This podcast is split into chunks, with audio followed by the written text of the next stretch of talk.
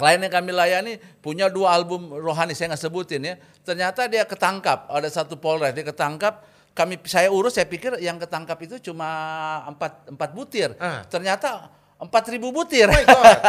empat ribu butir. Dia seorang apa worship leader dan pengembangannya ternyata jaringannya pemain drumnya gitu jadi Jadi wah, musisi, ya, worship leader, Ya. singers di gereja-gereja juga. Iya, itu rawan juga, itu oknum tentunya. Kita tidak bisa mengeneralisir, tapi kami ketemukan orang-orang yang seperti itu. Oh Ada juga koordinator, koordinator ibadah satu, ibadah dua. Kamu kok gelar kamu ini, kamu bisa pakai begini. Ya lifestyle pak, lifestyle bagaimana? Kan pergaulan kamu di lingkungan, ini ada sesuatu yang salah nih pergaulannya. Jadi rupanya dia karena capek dari pelayanan sampai malam, dia pakai itu. Ada juga uh, pakai sabu waktu itu dia pakai sabu. Ada juga orang yang uh, ditangkap tiga ini banyak 30 kg tentu saya nggak sebutin seorang wanita. Dan dia ketangkap waktu ditangkap waktu itu pengembangan dia tiga bulan dia diamati. Akhirnya dia ditangkap. Sampai orang-orang polisi-polisi yang nangkap dia jago jago nyanyi lagu rohani gitu karena selalu ada di sana. Nggak tahu orang bagus ba- ba- bercanda atau bagus uh, bagus sedu kita nggak tahu juga ya mereka bilang oh iya pak pendeta sampai kami hampir jadi apa rohani untuk hal itu. Jadi artinya waktu dia ditanya dia masih merasa rohani bilang pak saya coba pendeta mau kasih kerja apa? Saya nggak punya keahlian lagi. Loh kok jadi pendeta jadi biro tenaga kerja? begitu dia minta. Tapi Tuhan tahu hati saya pak. Saya nggak pernah melalaikan apa kewajiban saya ke gereja dan berikan perpuluhan. Nah, jadi, jadi walaupun saya sempat bercanda sih bagus saya bilang, kamu kasih perpuluhan berapa? Ya kalau lagi agak sepi saya kasih perpuluhan 750 juta.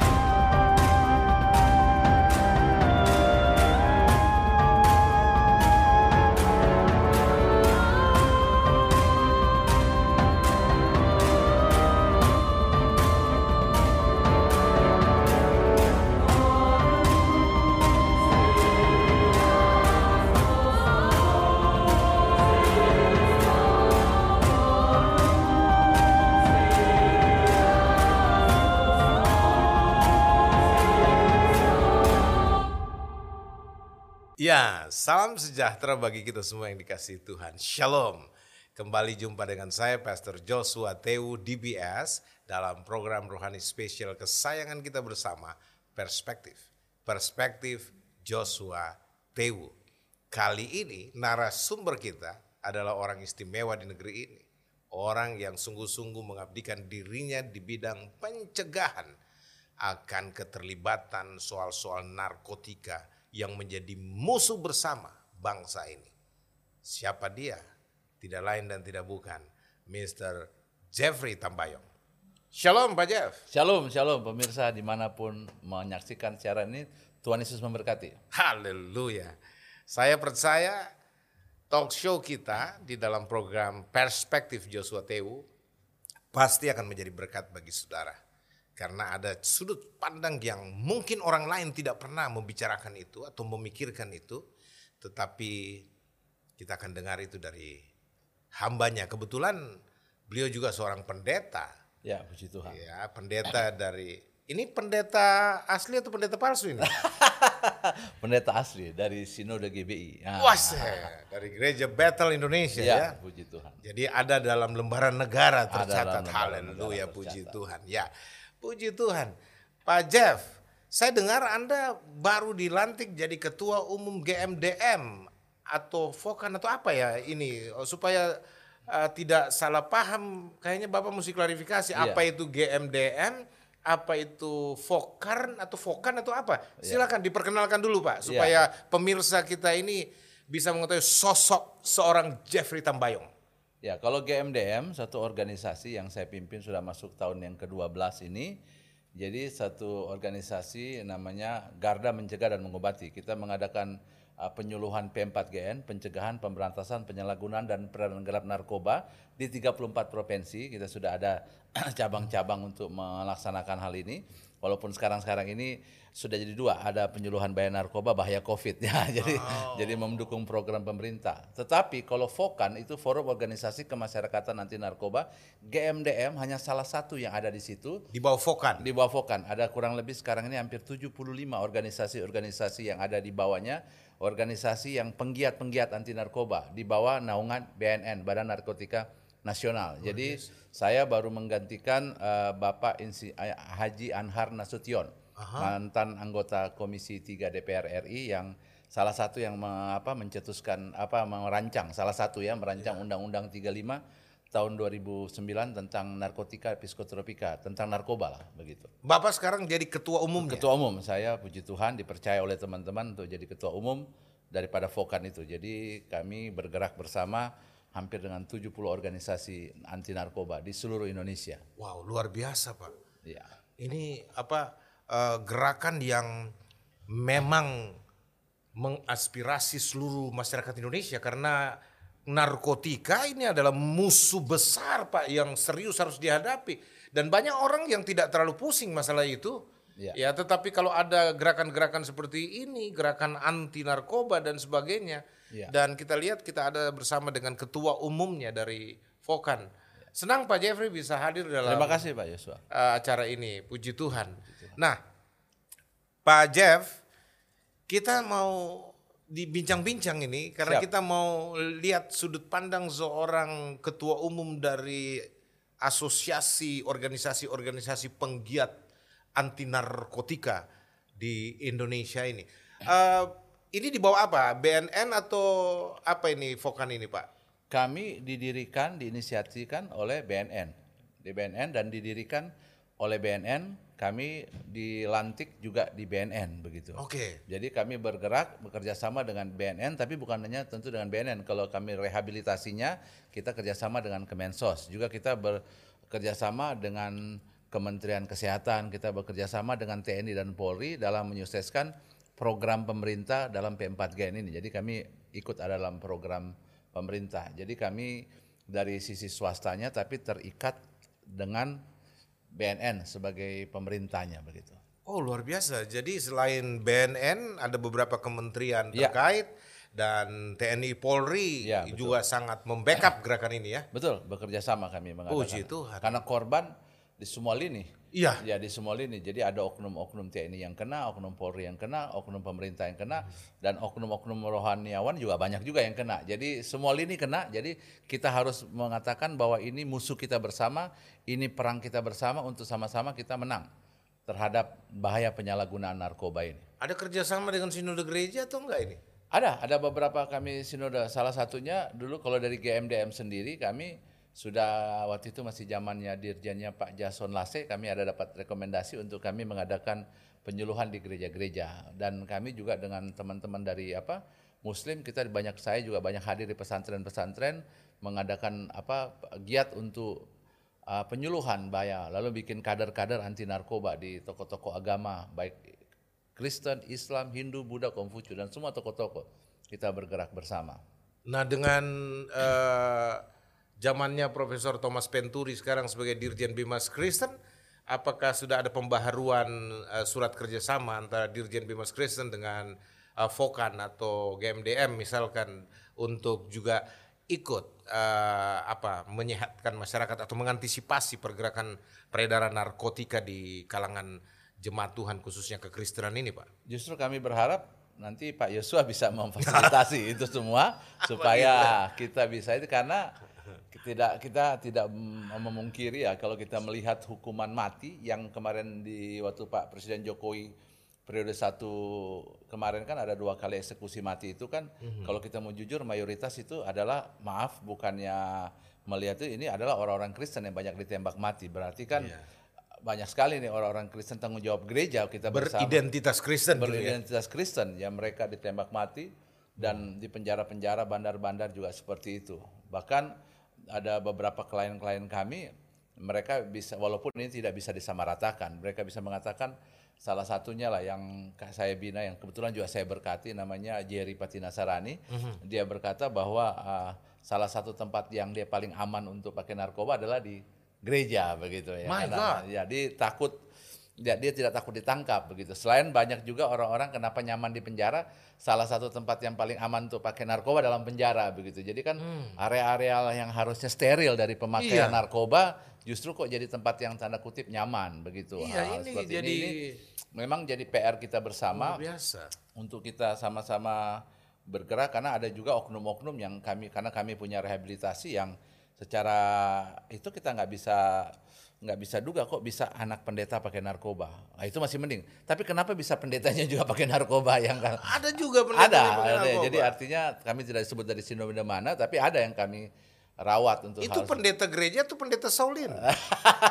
atau Tentu. pendeta Toliongto? Jadi tentu mereka kan tentu terjebak dengan gaya hidup, lifestyle dan lain sebagainya. Karena memang narkoba ini kan biasa untuk walaupun mereka kadang-kadang nggak sadar hanya sementara memberikan apa rasa rileks, semangat, eh, stimulan ya untuk mereka tetap nggak ngantuk kan dari jenis walaupun jen- dari jenis-jenis narkoba berbeda-beda khasiatnya, dampaknya. Tapi rata-rata Kemudian terjerat ya. pakai sabu. Ya akhirnya mereka terjerat. Makanya narkoba ini selalu pilihannya cuma tiga kalau orang udah pakai narkoba dia nggak keluar. Yang pilihan pertama itu yang paling ringan dia masuk rumah sakit. Yang kedua pilihan kedua kalau orang pakai narkoba masuk penjara. Yang paling tiga pilihannya mati. Cuma tiga aja pilihan orang kalau sudah terikat dengan narkoba. Makanya Fokan hadir, GMDM hadir untuk mengajak orang-orang yang kena ini kita harus sepakat bahwa mereka adalah korban yang harus diobati, begitu, harus diobati.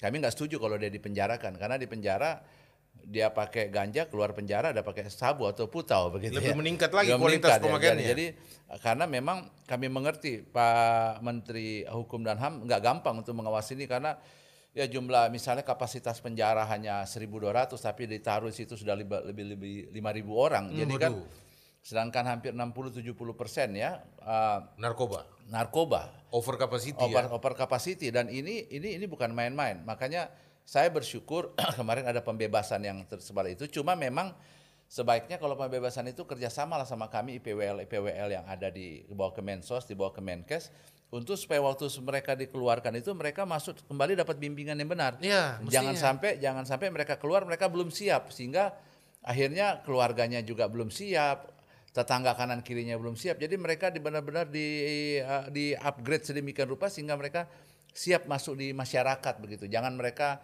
relapse. Apa itu relapse? Kambuh kembali. Karena kan banyak pecandu itu sering kali relapse. Kenapa relapse? Ya karena penanganannya tidak secara benar. Iya, ini istilahnya Pak Jeffrey. iya. Dalam suasana seperti ini, seluruh dunia dilanda epidemi eh, COVID-19, toh masih saya lihat ada beberapa di televisi itu yang ketangkep juga nih, beberapa tokoh, artis dan Iya. sebagainya. Apa kira-kira ini masalahnya Ya kalau sebenarnya? kemarin kan tidak salah tuh artisnya uh, Ali apa Reza Alata sama Teo Pakusadewo ya ditangkap Ah, ah, iya betul. uh, Polda Metro Jaya, Bang Heriman dan kawan-kawan. Ya, ini menjadi fenomena gunung es sebenarnya. Saya melihat sebenarnya korban COVID kalau kita mau jujur dibandingin virus apa Eh, narkoba, narkoba, lebih jauh tinggi le- lebih tinggi narkoba, narkoba, betul. begitu. Kan narkoba di Indonesia tidak kurang hampir 15 sampai 20 ribu orang yang meninggal Setiap setiap tahun tahunnya. karena karena apa apa karena narkoba dan ini Indonesia menjadi satu negara salah satu negara pemakai narkoba terbesar di bawah Australia dengan apa uh, tingkat kecanduannya. Pak Presiden Pak Presiden itu udah bagus Pak Jokowi mengatakan kita saatnya kita perang sama narkoba. Dan Pak- jadi Pak Jokowi sudah jadi panglima. Cuma memang kita ini sebagai anak bangsa yang mendukung panglima ini harus benar-benar secara komprehensif. Iya. Tidak ada ada lagi ego struktural, tapi benar-benar harus benar-benar apa berjalan secara baik begitu Iya. untuk menegakkan hal ini sehingga Indonesia bisa bersinar. Bersinar. konsistensi eh, perang bersama ini Ya. eh, dengan kawalan panglima perang kita terhadap narkoba yaitu Iya, Pak Jokowi, Jokowi, iya. mestinya kan dilandasi dengan komitmen yang tinggi Yes. dan Pak ada unsur politisasi. Tapi persoalannya kan komitmen itu dicemari dengan politisasi beberapa oknum-oknum politik yang kemudian memanfaatkan situasi dan kondisi untuk keuntungan pribadi. Ya makanya Terlihat nggak oleh GMDM atau Fokan? Karena gini, kami melihat gini, kadang-kadang banyak orang terjun di dunia narkoba ketika misalnya tanda kutip keluarganya udah kena. Oke. Nah, padahal cepat atau lambat keluarga ini kan gini, narkoba ini kan istilahnya uh, kita perang tanpa musuh tanpa wajah. Kalau dulu kita perang di lawan Jepang kelihatan orang Jepang, lawan Belanda kelihatan orang Belandanya. Kalau ini kan tidak kelihatan, tiba-tiba anak kita udah kena, tiba-tiba keluarga kita udah kena. Dan ingat setiap saat keluarga kita bisa kena ke, kita ketika sadar itu kadang-kadang udah stadium 3, stadium 4 dia sudah terjadi adiksi, udah keter, mengalami ketergantungan sehingga pengobatannya tidak mudah, tapi walaupun bisa. Bisa, tidak ada yang mustahil kan? Tidak ada yang mustahil tentu okay. dalam sisi rohani nggak ada mustahil bagi yeah. Tuhan. Tapi dari ingat anak-anak dari anak-anak narkoba itu tidak bisa disembuhkan, mereka hanya bisa dipulihkan. Apa beda disembuhkan ah. dipulihkan gitu ya? Kalau disembuhkan itu kan istilahnya dia nggak bisa sakit lagi. Tapi kalau dipulihkan ini satu ada dia masih bisa relapse. Ada orang yang sudah dibawa ke luar negeri, dia pulih datang ke Indonesia sebulan dia lewatin tempat pernah dia nongkrong, dia ada rasa kangen lagi dia pakai lagi. Karena anak-anak narkoba ini biasanya dalam level harus standar begini. Dia terlalu gembira tanpa ada pengawasan dia bisa pakai. Dia terlalu stres sedih dia bisa pakai. Apalagi kalau dia masuk dalam komunitas yang salah. Nah, makanya kami punya program di GMDM itu namanya MTC, Miracle Touching Community, mentoring dan fathering. Hmm. Jadi mentoring dan fathering ini sangat penting untuk anak-anak pecandu ini. Nah, saya, saya harapkan sebenarnya para pendeta, hmm. pengerja-pengerja gereja itu benar-benar harus siap untuk jadi mentor-mentor karena jumlahnya nggak sedikit ini masalahnya. Jumlahnya nggak nggak sedikit. Jutaan orang yang terkena di Indonesia ini. Jadi ini satu jumlah yang saya mau katakan selalu kalau misalnya begini, BNN bilang 4 juta, Pro, manta, salah satu pakar itu Profesor Dadang Harwari, Harwari. Darang Harwari dia mengatakan waktu kami ada di Kemensos dengan waktu itu Ibu Menteri Sosialnya Ibu Kofifa waktu okay. itu kami ada di tim 10 waktu itu kami kami dengar paparan dia dia mengatakan dia berani jamin 10 kali lipat daripada yang data yang ada pemerintah wow. di lapangan begitu dia hmm. dia memberikan itu tentu ada dasar dari seorang pakar ya. pakar ini hmm. dan dia ada guru besar juga di UI kan yeah. Uh, dia mengatakan seperti itu jadi pertanyaan kita menjadi shock juga kita. Kalau misalnya contohnya di 4 juta orang hmm. diumumkan hmm. pemerintah, berarti ada 40 juta. Iya. Kalaupun pengguna narkoba itu ada yang situasional, coba-coba maupun adiksi. Iya. Mungkin mereka belum masuk adiksi, tapi yang udah mulai coba-coba sudah situasional. Karena narkoba itu tidak pernah turun dia dosisnya. Makanya dia kami, selalu meningkat. Meningkat. Makanya salah saya salah salah satu yang tidak setuju program substitusi misalnya gini dia orang pakai putau boleh nih boleh pakai ganja pakai ganja boleh pakai rokok. Kami enggak kami kalau dalam rehab ya putus semua. Putus. Putus semua. Setuju. Kami saya melakukan hal yang itu. Tapi ada beberapa yang artinya memberikan substitusi seperti itu. Dulu pakai putau pakai akhirnya dikakein metadon. Ya metadon itu kan kalau menurut kami dari mulut, mulut singa ke mulut buaya gitu sama juga iya, itu. Jadi betul. ini yang kami nggak setuju, makanya saya bertentangan juga dengan orang-orang yang mau melegalisasi ganja nasional. Kenapa saya nggak setuju dengan LGN? Bukan saya nggak setuju ganja bisa dipakai untuk obat. Mungkin dalam penelitian bisa ditemukan obat, tapi ya untuk orang yang sakit. Jangan orang yang sehat iya. dibolehkan pakai ganja. Karena jangan sampai kata legalisasi itu orang seenaknya aja uh, pakai ganja. Penyalahgunaan. Jadi akhirnya penyalahgunaan. Silakan kalau memang itu untuk pengobatan diterbitkan satu apa di, ada penelitian hmm. lalu diterbitkan uh, ada uh, Permenkesnya yeah. peraturan pemerintahan kes, pemerintah kesehatan lalu itu untuk pengobatan silakan. Yeah. Tapi jangan sampai dibebaskan nanti semua orang seenak udelnya aja mohon maaf agak kasar oh. saya ngomongnya pakai ganja padahal kita tahu dampak daripada ganja itu memang karena karena orang bilang kan nggak langsung mati. Iya karena lagi teler pakai ganja nabrak orang mati bisa juga mati begitu. Iya. jadi jadi jadi tidak langsung lagi pakai ganja itu langsung mati tidak tentu seperti. Jadi inilah yang saya mau katakan. Mari saya saya berharap pemirsa yang mendengarkan siaran ini di mana pun berada, yuk kita sama-sama mengerti bahwa persoalan narkotika ini sedang dalam satu titik di Indonesia titik bahaya. Kenapa? Cina itu pernah hancur dalam perang candu sama Inggris. Jadi Inggris itu pernah mengalahkan Cina tanpa perang. Jadi semua rakyat Cina itu sampai pemerintah dikasih candu sehingga teler dan akhirnya Inggris makanya lepaslah kayak Taiwan lepaslah apa uh, Hong Kong dan lain sebagainya. Kenapa? Karena Cina sudah perang tanpa syarat lagi kalah. Sorry, yeah. uh, Inggris sudah menang tanpa syarat. Yeah. Kenapa? Dan Indonesia banyak negara-negara yang kita harus sadar betul punya kepentingan untuk menghancurkan supaya gampang mengambil sumber daya alam Indonesia, kekayaan Indonesia kan kita bersyukur ya puji Tuhan Indonesia kan kita tahu negara terkaya di dunia sumber daya alamnya di Papua, di lautnya, di Aceh, di Kalimantan, di seluruh Indonesia ini negara yang kaya.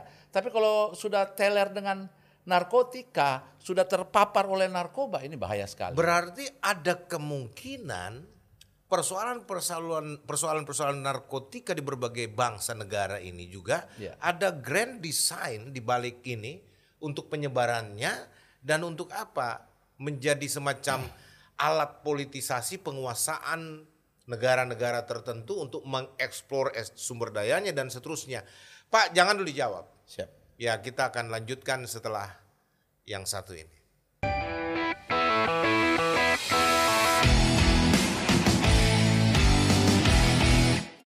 Ya, haleluya. Kita lanjut lagi pembicaraan kita, Pak Jeff. Siap, Ini siap. sepertinya kita harus menggali lebih dalam lagi soal-soal peredaran narkotika di berbagai negara ini. Juga apalagi Om Jeffrey bilang Indonesia menjadi salah satu negara di bawah Australia yang terbesar dalam pemakaian narkoba ya. Iya, betul. Itu luar biasa. Nah pertanyaan saya, saya tergelitik untuk mencari tahu. Kalau ini semua negara mengalami dan sudah umumkan bahwa negara-negara mengumumkan bahwa perang bersama. Iya. Memerangi secara bersama-sama. Iya. Narkoba ini karena musuh segala bangsa ini kan. Iya. Yang bisa menghancurkan generasi muda kita. Menghancurkan infrastruktur SDM kita, orang-orang hebat kita bisa juga terkena dan seterusnya kan, Iya. dan hancur. Nah pertanyaan saya Om J, apakah ini merupakan grand design dari oknum atau semacam kalau kita bicara shadow masih bayangan siapa di belakang ini misalkan, apakah ada organized crime yang uh, mengurusi masalah ini? Dan mungkin saja terkait masalah Illuminati kah atau dengan apa ya yang orang curiga sekarang COVID-19 juga ini merupakan produk, salah satu produk Iya. Untuk mengurangi populasi bangsa atau Genosida. apa dan sebagainya. Mungkin uh, perspektif Om Jeffrey Tambayong ini sangat memberi kontribusi bagi pemahaman uh, global kita. Silakan Pak Jeff. Ya, jadi begini Pak Tewu. Jadi apa yang saya lihat ini saya tentu tidak bisa menuduh siapa negara mana dan di mana begitu. Tapi ini jelas-jelas pasti ada uh, grand design yang sangat-sangat apa sangat-sangat rapi untuk memang tujuannya satu ingin menghancurkan Indonesia. Istilahnya kalau secara rohani kita tahu pencuri datang hanya untuk mencuri, membunuh dan, Dan membinasakan. Jadi yang pasti uh, semua dikerjakan oleh iblis. Tetapi kalau kita melihat secara dunia ini maka saya mau katakan contoh saya pernah demo di beberapa kedutaan di Indonesia ini bagaimana negara-negara dari luar itu mereka itu sangat ketat untuk melaksanakan hukuman terhadap bandar narkoba. Tetapi tet- ini negara tetangga kita, nggak jauh dari kita ini. Tapi mereka itu kalau justru narkoba di Indonesia ini hampir 70-80 persen masuk dari mereka. Masuk dari situ. Ya contohnya misalnya dia dari Cina, dari Belanda, dari Afrika, dari Arab, dari mana selalu berlabuh di situ dulu, baru mereka cari. Kan Indonesia ini terkenal dengan banyaknya apa uh, jalur-jalur tikus, pelabuhan-pelabuhan Ya. tikus, ya begitu banyak. Ya. Jadi mereka lihat celah bagaimana masuk satu ton, masuk satu ton karena Pak Budi Waseso mengatakan kurang lebih ada 500 sampai 600 ton. Walaupun kepala BNN yang sekarang ini uh, mengatakan sekitar 300 sampai 400 ton yang masuk per tahun di Indonesia. Dan itu Dari negara itu. dari negara itu. Jadi mereka itu masuk itu uh, dari pelabuhan-pelabuhan tikus itu padahal di negara itu hukumannya hukuman mati, hukumannya berat di negara tetangga itu. Tapi di undang-undang mereka sekarang waktu itu saya pernah tanyakan juga dalam satu pertemuan waktu itu masih Pak Pak Goris Mere, saya tanya Pak Arman Depari segala macam karena di undang-undang di negara tersebut ya, nggak tahu kalau sekarang sudah ada regulasi dirubah. Jadi selama tidak dirub, tidak diedarkan di negara mereka nggak ada masalah. Jadi kayak jadi tempat apa persinggahan. Harusnya kan kalau namanya kita negara sama-sama negara ASEAN, negara sahabat, kita harus memerangi bersama itu nggak boleh ada lagi singgah-singgah dibiarkan begitu. Gak boleh mestinya. Ya harusnya, nah, tapi ini kenyataannya dari situlah eh, terdapat apa penyaluran narkoba secara besar-besaran eh, begitu luar biasa masuk ke negara Indonesia ini yang satu salah satunya. Yang kedua, Tunggu Pak, Ya. apa anda bisa diklarifikasi negara apa supaya orang tahu karena itu juga mungkin sudah terbuka secara ya kalau Umum, negara kan? itu saya bilang kan apa ini disebut negara Malaysia. Malaysia. Malaysia. Jadi saya pernah pimpin demo juga di sana. Saya pernah saya pimpin demo di sana eh, dan ini menanyakan hal ini yang saya berharap eh, kemarin sih saya ada angin segar ketika walau- walaupun baru diganti Mahathir Muhammad sempat tangkap sekian apa puluh atau sekian ratus ton begitu Iya. sekian di sana. Ini ada satu hal yang baik begitu loh. Oke. Artinya kan jarang kita dengar di Malaysia ada penangkapan begitu besar karena memang Malaysia bukan target sasaran utama. Walaupun Malaysia ada punya masalah dengan narkoba juga, tapi hukuman di sana kan begitu besar. Tapi kenapa bisa jaringan-jaringan yang ditangkap oleh Pak Arman Depari, Pak Krisno Siregar, jaringan-jaringan luar negeri itu selalu masuk jaringannya dari Malaysia, dari Malaysia, dari Malaysia, dari Malaysia. Dari Belanda ke Malaysia dulu, dari Cina ke Malaysia dulu, dari Hong Kong ke Malaysia dulu. Padahal negara itu punya aturan dan undang-undang ketat sekali hukuman sangat mati sangat buat ketat, sangat pemakaian sangat, narkoba oh, atau sangat, apalagi bandar ya. Hukumnya luar biasa di sana. Tapi kenapa bisa melalui Ah, negara itu ini? itulah yang perlu ada regulasi, ada satu kesepakatan bersama, bukan hanya di atas kertas atau pertemuan-pertemuan informal yang sekedar basa-basi. Mohon maaf kalau saya agak keras basa-basi, tapi perlu ada action begitu. Kalau perlu ada ah, petugas jaga bersama segala macam segala ka- kasihkan menurut saya kasih reward, kasih penghargaan bersama kalau untuk polisi-polisi yang berhasil menangkap itu semua. Karena kalau tidak ya ini sama juga kita lagi membiarkan negara kita di kita tahu kok sebenarnya tahu nih banyak negara-negara yang contoh lah kita kenapa kita saya sempat demo di sorry kita bicara jujur aja, Bicara aja, di Pak. kedutaan Belanda saya pernah karena waktu Pak Arman tangkap apa eh, hampir 400 ribu butir ekstasi yang dibawa dalam apa kompresor ya di dalam kompresor itu itu dari negara Belanda Nah itu kalau nggak salah eh, DPO-nya daftar pencarian orang itu namanya Boncel, warga dua kewarga negara, dia warga negara Belanda, dia warga negara Indonesia. Nah tapi bagaimana 400 ribu lebih butir bisa dibawa pakai pesawat KLM mendarat di Indonesia tanpa terdeteksi? Iya. Come on, ini nggak mungkin seperti itu. Artinya kalau mau bicara teknologi mestinya lebih unggul Belanda dibanding Yes, Indonesia kan? menurut saya. Tapi kok di sana nggak terdeteksi di Indonesia bisa terdeteksi? Jadi Pak Arman Depada bisa tangkap dan ini ternyata bukan baru pertama, sudah baru kali-kali begitu. Makanya salah satu yang saya minta waktu itu ketemu saya ketemu dubes ada foto-fotonya saya bisa buktikan ketemu dengan dubes eh, Belanda saya bilang kita udah negara bersahabat nih Indonesia dengan Belanda. Kita sudah lupakan Indonesia pernah dijajah Belanda 300 tahun lebih. Kita dari negara bersahabat begitu kan. Tetapi kita ini darah kita NKRI begitu. Iya. Darah kita NKRI walaupun kayak kebanyakan orang Manado ada darah-darah Belanda juga Ah, sadiki-sadiki benar. begitu kan ya.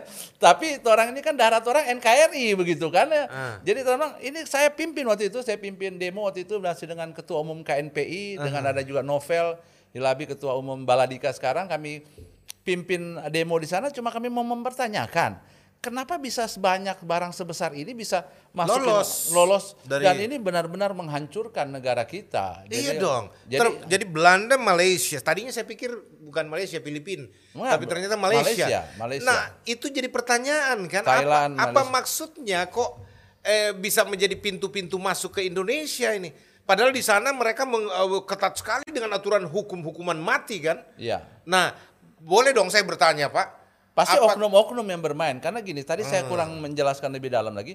Karena uang yang beredar di narkotika ini kan, kalau uh, menurut BNN bilang antara sekitar 50 sampai 100 triliun ya uang yang beredar. Wow. Tapi saya pernah ada namanya seorang sahabat saya di GBI juga namanya Dokter Bambang. Ah. Dia berkata nggak mungkin. Dia bilang saya bisa memperkirakan sekitar 200 sampai 300 triliun. Triliun. Triliun, oke lah. Jadi makanya disebut unlimited money gitu. Jadi istilahnya kalau ada mobil mewah yang pertama kali muncul, pasti itu rata-rata bandar. Tapi jangan mencurigai orang yang pakai mobil mewah itu bandar. Tidak, artinya mereka itu mau resesi ekonomi bagaimanapun. Dia nggak goyang. Makanya kan tadi Pak Bro Yosua bilang kan, kok lagi covid-covid orang itu malah Iya. banyak pemakai yang ditangkap, malah banyak Betul. karena karena ini unlimited unlimited money yang yang sedang bergerak ini memang gini dalam waktu kita perang lawan Belanda lawan Jepang kan ada ba- banyak pengkhianat-pengkhianat. Betul. Nah ini di negara ini juga banyak pengkhianat-pengkhianat itu cuma dapat cari dapat doi, mau dia seorang pejabat kah, mau dia ini oknum-oknum yang Hmm. Dia bermain. pusing masyarakat. Ini pasti ya banyak oknum yang bermain, oknum-oknum di Polri, oknum di Becukai, oknum di mana-mana kan ini masuk di di di TNI ini oknum-oknum ini yang disebut pengkhianat. Iya. Nah ini orang-orang seperti inilah yang sebenarnya negara harus hadir mengingatkan mereka kalau mereka masih terus membiarkan ini semua tembak mati. Mestinya. Iya, jadi walaupun Gitu. banyak orang yang ya protes ke saya, kamu kok rohaniawan suka hukuman mati? Bukan, saya bukan menolak hak asasi manusia. Saya sangat-sangat menghormati hak asasi manusia. Buktinya para bandar kita rawat, kita rehab untuk jangan sampai bagai. Tapi lihatlah di Indonesia ini hampir 15-20 ribu keluarga yang per tahun kehilangan anggota keluarga karena narkoba. Pernah nggak lihat ini hak asasi mereka juga terampas oleh Iya. para bandar? Iya. Jangan kita kan kadang-kadang ribut. Sama kita ketika kita ribut, saya dia bilang kamu terlalu egois, terlalu idealis. Mau saya kan nggak setuju tentang LGN legalisasi ganja nasional. Iya. Saya nggak setuju. Kenapa saya nggak setuju tentang LGN itu? Karena saya melihat banyak anak-anak pemakai ganja yang rusak hidupnya. Oh iya. Ya dan memang ganja itu bisa obat. Ya saya setuju, bukan nggak setuju. Kan kayak narkoba. Narkoba ini kan siapa bilang berbahaya kalau Iya, digunakan itu. untuk medis. Ini medis. Jenis-jenis apa contoh apa obat-obat batuk. Ada ada campuran-campuran Iya. unsur-unsur narkoba. Istri eh, apa sorry istri lagi. Ibu mau melahirkan Heeh. kan uh, Eh, dibius. anestesi. Eh, anestesi dibius. Kan itu ada unsur narkobanya. Iya, ada. Nah, orang minum obat batuk. Ya kan kalau dites urin bisa aja positif kalau ada. Tapi sesudah dia sembuh batuk kan dia nggak karena air sesuai ketentuan dokter. Ketentuan dokter. Yang masalah di narkoba adalah penyalahgunaan narkoba. Oke, ganja bisa saja untuk pengobatan. Saya sepakat setelah Iya. penelitian. Tapi harus ada regulasi. Bukan berarti legalisasi semua orang seenak-enaknya make. Saya cuma ingatkan sahabat-sahabat yang lagi berjuang untuk legalisasi ganja nasional. Saya saya bukan musuh kalian. Kami sama-sama seperti kalian pemerhati bahaya narkoba juga. Kami berjuang uh, tu- tujuannya satu kok, bukan ada ada kepentingan apa-apa. Kami mau supaya jangan sampai ini kita loloskan. Coba pertimbangkan apakah yang di Amerika sudah legal di segala macam itu bisa clear and clean dari bahasa bahaya narkoba. Bagaimana ada video yang baru-baru sekarang ini orang kencing di airport sama Iya. malu ternyata dia baru pakai ganja begitu. ganja. Nah ini jangan sampai kita me- mencoba mengcreate ini semua bukan lagi tujuan untuk pengobatan, cuma untuk kepentingan pribadi yang akhirnya kita akhirnya kita jadi rusak semua. Wah jadi ini pemerintah mesti dengar ini Pak. Ya, saya berharap begitu. Jadi sekali lagi saya tidak dan konfrontasi permusuhan dengan kalian. Nggak, nggak, Cuma saya mau ingatkan, boleh untuk obat-obatan saya setuju. Yuk kita uh, cari apa profesor, dokter-dokter ahli untuk menjadikan jadikan ganja ini ciptaan Tuhan ini untuk berguna bagi orang yang sakit. Oke, sepakat. Tapi jangan sampai disalahgunakan ya. Seperti narkoba-narkoba yang lain kan semua disalahgunakan. Saya dukung Pak Roni, eh Pak Jeffrey. Iya. Saya saya pendeta daftar list pertama Siap. yang begitu. mengatakan menolak rencana untuk melegalisasi ganja di Indonesia. Puji Tuhan. Karena apa sebelum kita orang bertobat juga kan ini Iya, kita iya. tahu itu halus halusinasi ganja itu Iya, orang bikin kita senang-senang palsu toh. orang juga dulunya mantan soalnya. Kan semua kita kita bicara begini bukan tidak tahu sama sekali itu barang. Betul. Cuma karena kan- anugerah Tuhan kita bisa lolos ini. Kita Ya, bahkan betul. bisa jadi baik dan dipakai Tuhan jadi berkat. Haleluya puji Tuhan. Jadi Tapi kita tahu dia punya itang-itang. Orang Iya. Manado bilang dia punya kaco-kaco itu. Kita tahu persis. Jadi kalau mau dibilang legalisasi dengan maksud apa pun, stop dulu stop. Urusan bukan urusan kita yang bersuara, biarlah para medis kalau misalkan Ya. orang-orang di dunia medis yang mengusulkan kepada presiden untuk melegalisasi ganja dalam kapasitas pemakaian obat Ya. untuk kebutuhan medis. Yes, setuju. Bukan suara ormas yang berteriak Ah. untuk legalisasi ganja. Motifnya apa? Coba. Saya udah mulai marah ini, Pak. bagus. Jadi bagus kalau mulai marah itu artinya ada satu Marah kudus, marah kudus. Marah kudus. Karena Nah. orang pun dari GMDM Fokan, kami bergerak, kami ke jumlah-jumlah kecil juga kok, nggak belum sampai 100 organisasi. Tapi kami berharap dengan aja di snowball dari gerakan kami yang kecil ini, seluruh rakyat aware, peduli. Karena Iya. gini, sebenarnya penanganan bahasa na- narkoba ini kalau ada goodwill, kehendak baik, itu bagus. Contoh gini, orang masuk penjara sekarang, harusnya direhab tapi masuk penjara. Sebenarnya kan sudah ada perber, peraturan bersama, sudah ada seja, surat edaran jaksa agung, sudah ada sema, surat edaran mahkamah agung, sudah ada TR kabar reskrim, telegram rahasia kabar reskrim. Jadi mana yang jelas kalau itu di bawah satu gram harus direhab. Sudah ada namanya tim TAT, tim asesmen terpadu. Jadi orang yang ketangkap itu jelas langsung udah dibawa ke rehab. Nggak lo pakai sidang lagi segala macam segala macam karena sudah ada timnya itu. Tapi itu tidak berjalan seperti yang kita harapkan. Akhirnya orang-orang yang satu gram berlabuh di Nusa Kambangan, satu gram berlabuh di Salemba, di Cipinang, kena empat tahun, lima tahun, tujuh tahun. Yang harusnya ini pecandu-pecandu ini harusnya berlabuhnya di panti rehab, mungkin di Lido, di Galipakuan, atau yang di swastanya seperti di GMDM atau IPWL, IPWL yang ada kurang lebih di bawah Kemensos ini ada 190-an IPWL, institusi penerima wajib lapor. Harusnya kan berlabuh di sehingga penanganannya bisa ditangani secara benar, baik itu rawat jalan ataupun rawat inap begitu. Ini mungkin ada motif bisnis, Pak. Mafia ini. Jadi kalau dia berlabuh langsung direhab, Ya. putus. Iya toh? Betul. Bisnis putus, Pak. Tapi kalau dia di penjara-penjara kan ada mafia-mafia di berbagai lembaga pemasyarakatan, oknum kita berbicara oknum ya. Iya. Nah, pasti ada oknum bermain. Karena orang bisa masih jualan narkotika, Pak, di penjara, Pak. Betul. Dan mereka adalah orang-orang yang ada pada posisi high class. kan luar biasa. Ada dua itu. kalau dia nggak na bandar politi apa eh, politisi atau koruptor. Koruptor, ya. Nah, itu mereka adalah hidup mewah dan berkelimpahan di penjara, Bisa Pak. jalan-jalan keluar Bisa ya. jalan-jalan keluar.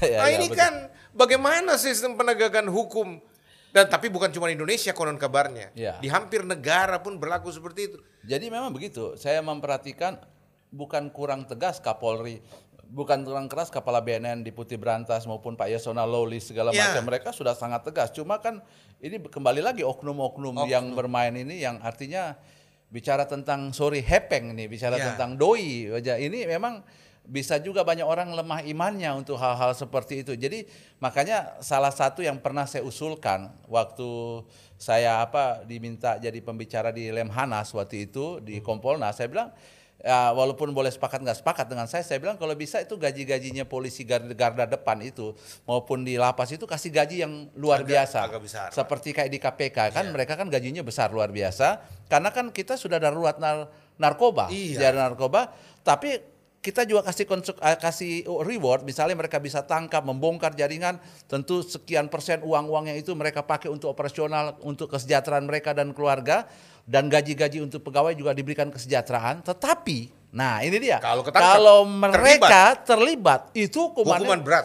jangankan jangankan narkoba handphone aja bisa masuk ke dalam itu harus ada hukuman Tindak begitu kan? Tegas. Siapa yang mengizinkan itu? 70 persen 80 persen narkoba Indonesia dikendalikan dari lapas Itu dia. dari lapas. Jadi kurang apa Pak Yasona kan udah udah berapa berapa oknum-oknum yang dipecat sudah dilakukan segala macam kasihan. Malah saya memperhatikan ada beberapa lapas yang mau ketat malah mereka dimusuhin, malah mereka diituin, di Saya- apa dikerjakan, dikerjain dia. begitu. Saya baru mengerti Pak. Saya pernah bicara dengan Pak Yasona Loli waktu ada di Malang waktu Iya. ikut eh, apa doa tahunan nasional di Batu Malang Pak. Iya. Di ruang VVIP bandara di Malang itu. Iya. Saya ngobrol sampai Pak Yasona bilang "Ya, kita buka sekolah Alkitab di berbagai penjara di seluruh Indonesia untuk Iya. melakukan pembinaan kerjasama antara Dirjen Bimas Kristen dengan eh, Dirjen Lapas Iya.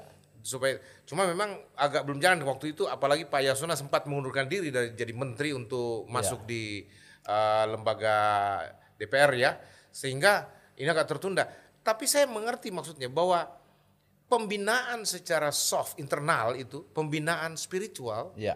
itu kayaknya amat sangat ditekankan oleh beliau Jadi benar, pembinaan spiritual ini baik secara Islam maupun Kristen Hindu atau Buddha Iya. apa itu penting sekali. Cuma perlu dipahami secara sadar, men- secara dalam maksud saya, sorry, bahwa yang mereka butuhkan hanya bukan hanya pembinaan rohani, rohani nomor satu. oke Karena di dalam pun di lapas itu memang ada pelatihan-pelatihan pembuatan misalnya servis AC, bla bla Ya. dan lain sebagainya. Tapi mungkin dari 5.000 orang, mungkin yang bisa dilatih hanya s- 1.000. Yang lain bagaimana? Artinya perlu juga para hamba-hamba Tuhan selain pembinaan kerohanian, mungkin sudah mulai ada pelatihan entrepreneur, makanya menurut saya yang paling penting ini gereja maupun agama apa pun dari Islam harus mempersiapkan diri orang-orang yang keluar dari penjara ini yang misalnya tinggal enam bulan. Maksudnya kalau bisa asimilasi atau program itu uh, sosial lainnya itu dibawa ke gereja dilatihlah mereka cara-cara untuk apa uh, berbisnis yang baik. Kalau tidak percaya deh. Karena mereka ketika keluar senang nih. Makanya kan orang pada bingung orang banyak baru keluar penjara program ini udah make apa make lagi jadi penjara lagi. Itu lagi. Karena memang mereka tidak ada kerjaan. Om Jeffrey banyak gereja yang takut. Oh, pendeta-pendeta takut terima mantan napi. Oh, gitu. karena selalu di dalam pemikiran bahwa aduh ini cari perkara ini. Terima orang-orang. Untung kalau dia sudah bertobat. Bertobat aja mesti dipantau. Apalagi dia setengah-setengah bertobat. Apalagi nggak bertobat nah Ya. kalau kalau tidak bisa kalau nggak usah kita urusin kalau bisa kita nggak urusin ngapain mau diurusin Ya, betul. kan ada pemerintah yang urusin itu itu banyak skala berpikir seperti itu pak Ya. tapi saya setuju dengan Om Jeffrey bilang bahwa gereja bertanggung jawab Ya, ini kan untuk jiwa-jiwa menerima juga. kembali, menggembalakan mereka kembali. domba-domba ini kembali begitu. Betul, supaya mereka bisa disosialisasikan kembali ke masyarakat menjadi berkat setelah mereka digembleng. Yes. Nah, dimulai pembinaannya di dalam gereja.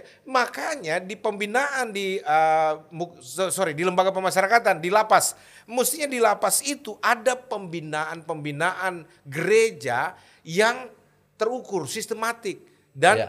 uh, bekerja sama dengan berbagai gereja. Jangan cuma ada satu sinode gereja yang monopoli demi untuk apa, apa semacam jati diri pemuasan pelayanan. Oh kami dari organisasi ini, tapi dampaknya nggak ada. Betul. Ini contohnya. Betul. Jadi mestinya itu di bawah satu organisasi taruhlah misalkan PGI atau Iya. Direktorat Bimas Kristen punya uh, menggalang gereja-gereja dan itu diukur pak.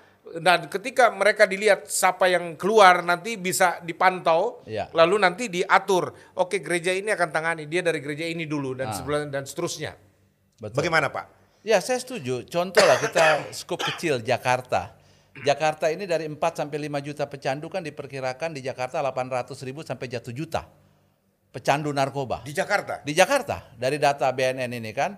Jadi jadi 800 ribu sampai 1 juta orang ini kan ladang pelayanan yang harus gereja melihat ini. Cuma memang ya artinya mungkin ada ketakutan jangan sampai nanti apa eh, amplop kolekte hilang, motor motor pastori hilang, mobil hilang. Karena ada orang kan biasa anak-anak jangki itu kan rata-rata kan ya suka ambil-ambil barang untuk membeli apa membeli narkoba, Narkoba, tersebut. ya. Tapi kembali lagi ya menurut saya ini benar-benar harus dilakukan secara komprehensif, Ya. secara benar-benar secara uni, secara bersama karena kalau tidak kita benar-benar gereja tanpa sadar akan lihat satu lost generation yang kita nggak sangka karena saya mau ingatkan daya tularnya ini mungkin eh, tidak terlalu terlihat orang melihat COVID-19 ini walaupun bahaya tapi daya tular narkoba ini Lebih ganas. eh, lebih ganas menurut saya daripada COVID sebenarnya. Daya membunuhnya juga lebih ganas. Cuma kan memang tidak terekspos dengan baik aja untuk segala sesuatunya kan tapi Kalau cara bunuhnya narkoba ini ngeri pak. ya Kalau COVID kan orang mati baik-baik. ya istilahnya mati tenang tuh. dia enggak sadar dia semati Ah, gitu. iya. Iya, tapi kalau narkoba kan dia siksa orang, waduh dia ancur-ancurin semua. Bahkan dia miskinkan keluarga itu. ya Dan berdampak ke mana-mana Pak. Saya bilang begini, ini bicara kembali tadi pertanyaan awal tentang ada grand strategi, grand design Ah, maksud saya. Eh, Indonesia kan kita bersyukur dengan Pak Presiden Jokowi sekarang mengadakan pembangunan di mana-mana. Tapi saya bersyukur di tahun ke, tahun periode kedua pemerintahan Pak Jokowi fokusnya ke SDM. Betul sekali. Nah, fokusnya ke SDM selain pengetahuan intelektual segala macam, benar-benar ini karena gini, saya lihat SDM Indonesia memang lagi dihancurkan, diruntuhkan dengan masalah narkoba ini. Jadi kalau sampai Bayangkan kalau jalan-jalan sudah jadi bagus semua, semua infrastruktur jaru, tapi kalau pemimpin Hmm. isi orang teler semua. orang teler semuanya mau rapat anggota dewan nyabu dulu bersama Oh begitu. Mau, mau segala sesuatunya. Kenapa? Karena ini udah masif sampai karena kami sampai ke pedalaman-pedalaman yang kita bingung orang-orang pekerja-pekerja tambang kok pada nggak mau pulang ke rumah rupanya udah pada lebih nyaman di dalam pedalaman karena pada nyabu di dalam Pendeta pedalaman. lagi berdiri di mimbar Pak tiba-tiba hilang. Orang pikir pengangkatan padahal dia sorobo. Pakai narkoba. Iya. Kan ngaco juga Iya, itu. karena kami punya kayak ada klien yang kami layani punya dua album rohani saya nggak sebutin ya. Ternyata dia ketangkap, ada satu Polres dia ketangkap.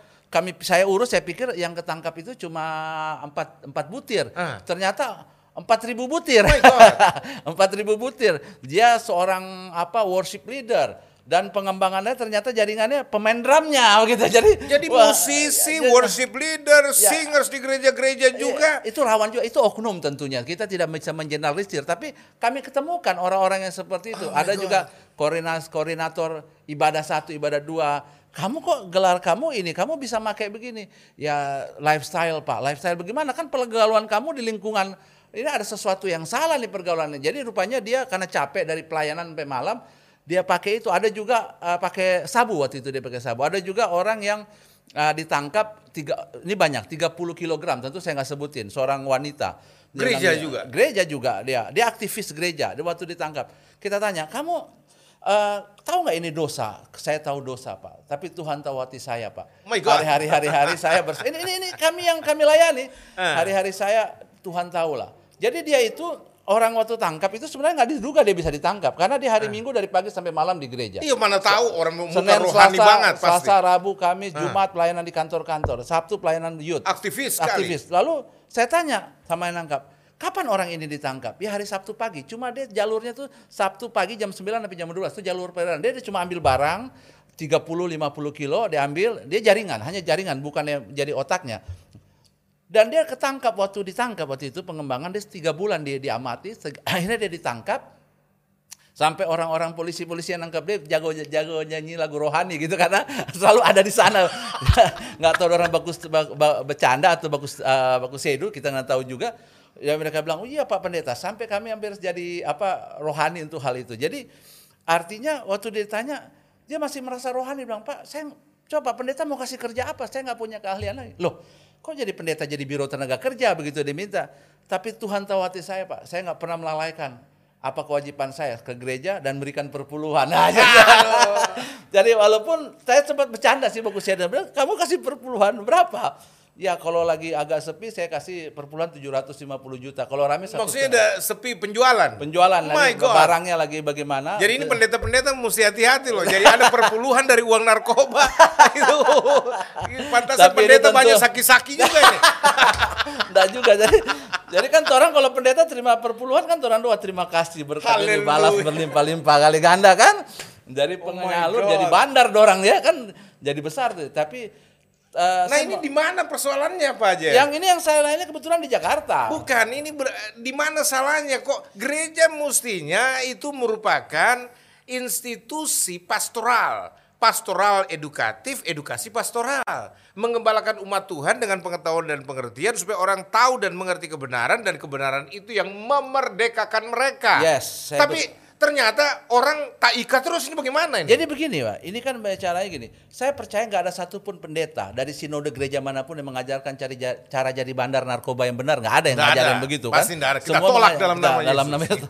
Ya pasti kan semua mengajarkan kebenaran. Tentu pilihan ada di uh, apa di para para oknum-oknum jemaat atau oknum-oknum pelayan yang tanda kutip akhirnya mungkin mereka melihat uang, melihat ke keadaan situasi yang nah makanya perlu sekali menurut saya kalau Pak Dirjen Bimas Kristen setuju kita bikin pemahaman secara dalam ke para pendeta bikin pelatihan tiga hari misalnya kita bikin pelatihan tentang banyak kan orang nggak ngerti tahu narkoba itu bahaya kenapa bahaya kenapa kok bahaya banyak tambah orang tambah banyak make Pak Jeff tahan dulu Pak. Iya. Ini pendeta-pendeta, saya mau kasih tahu ini.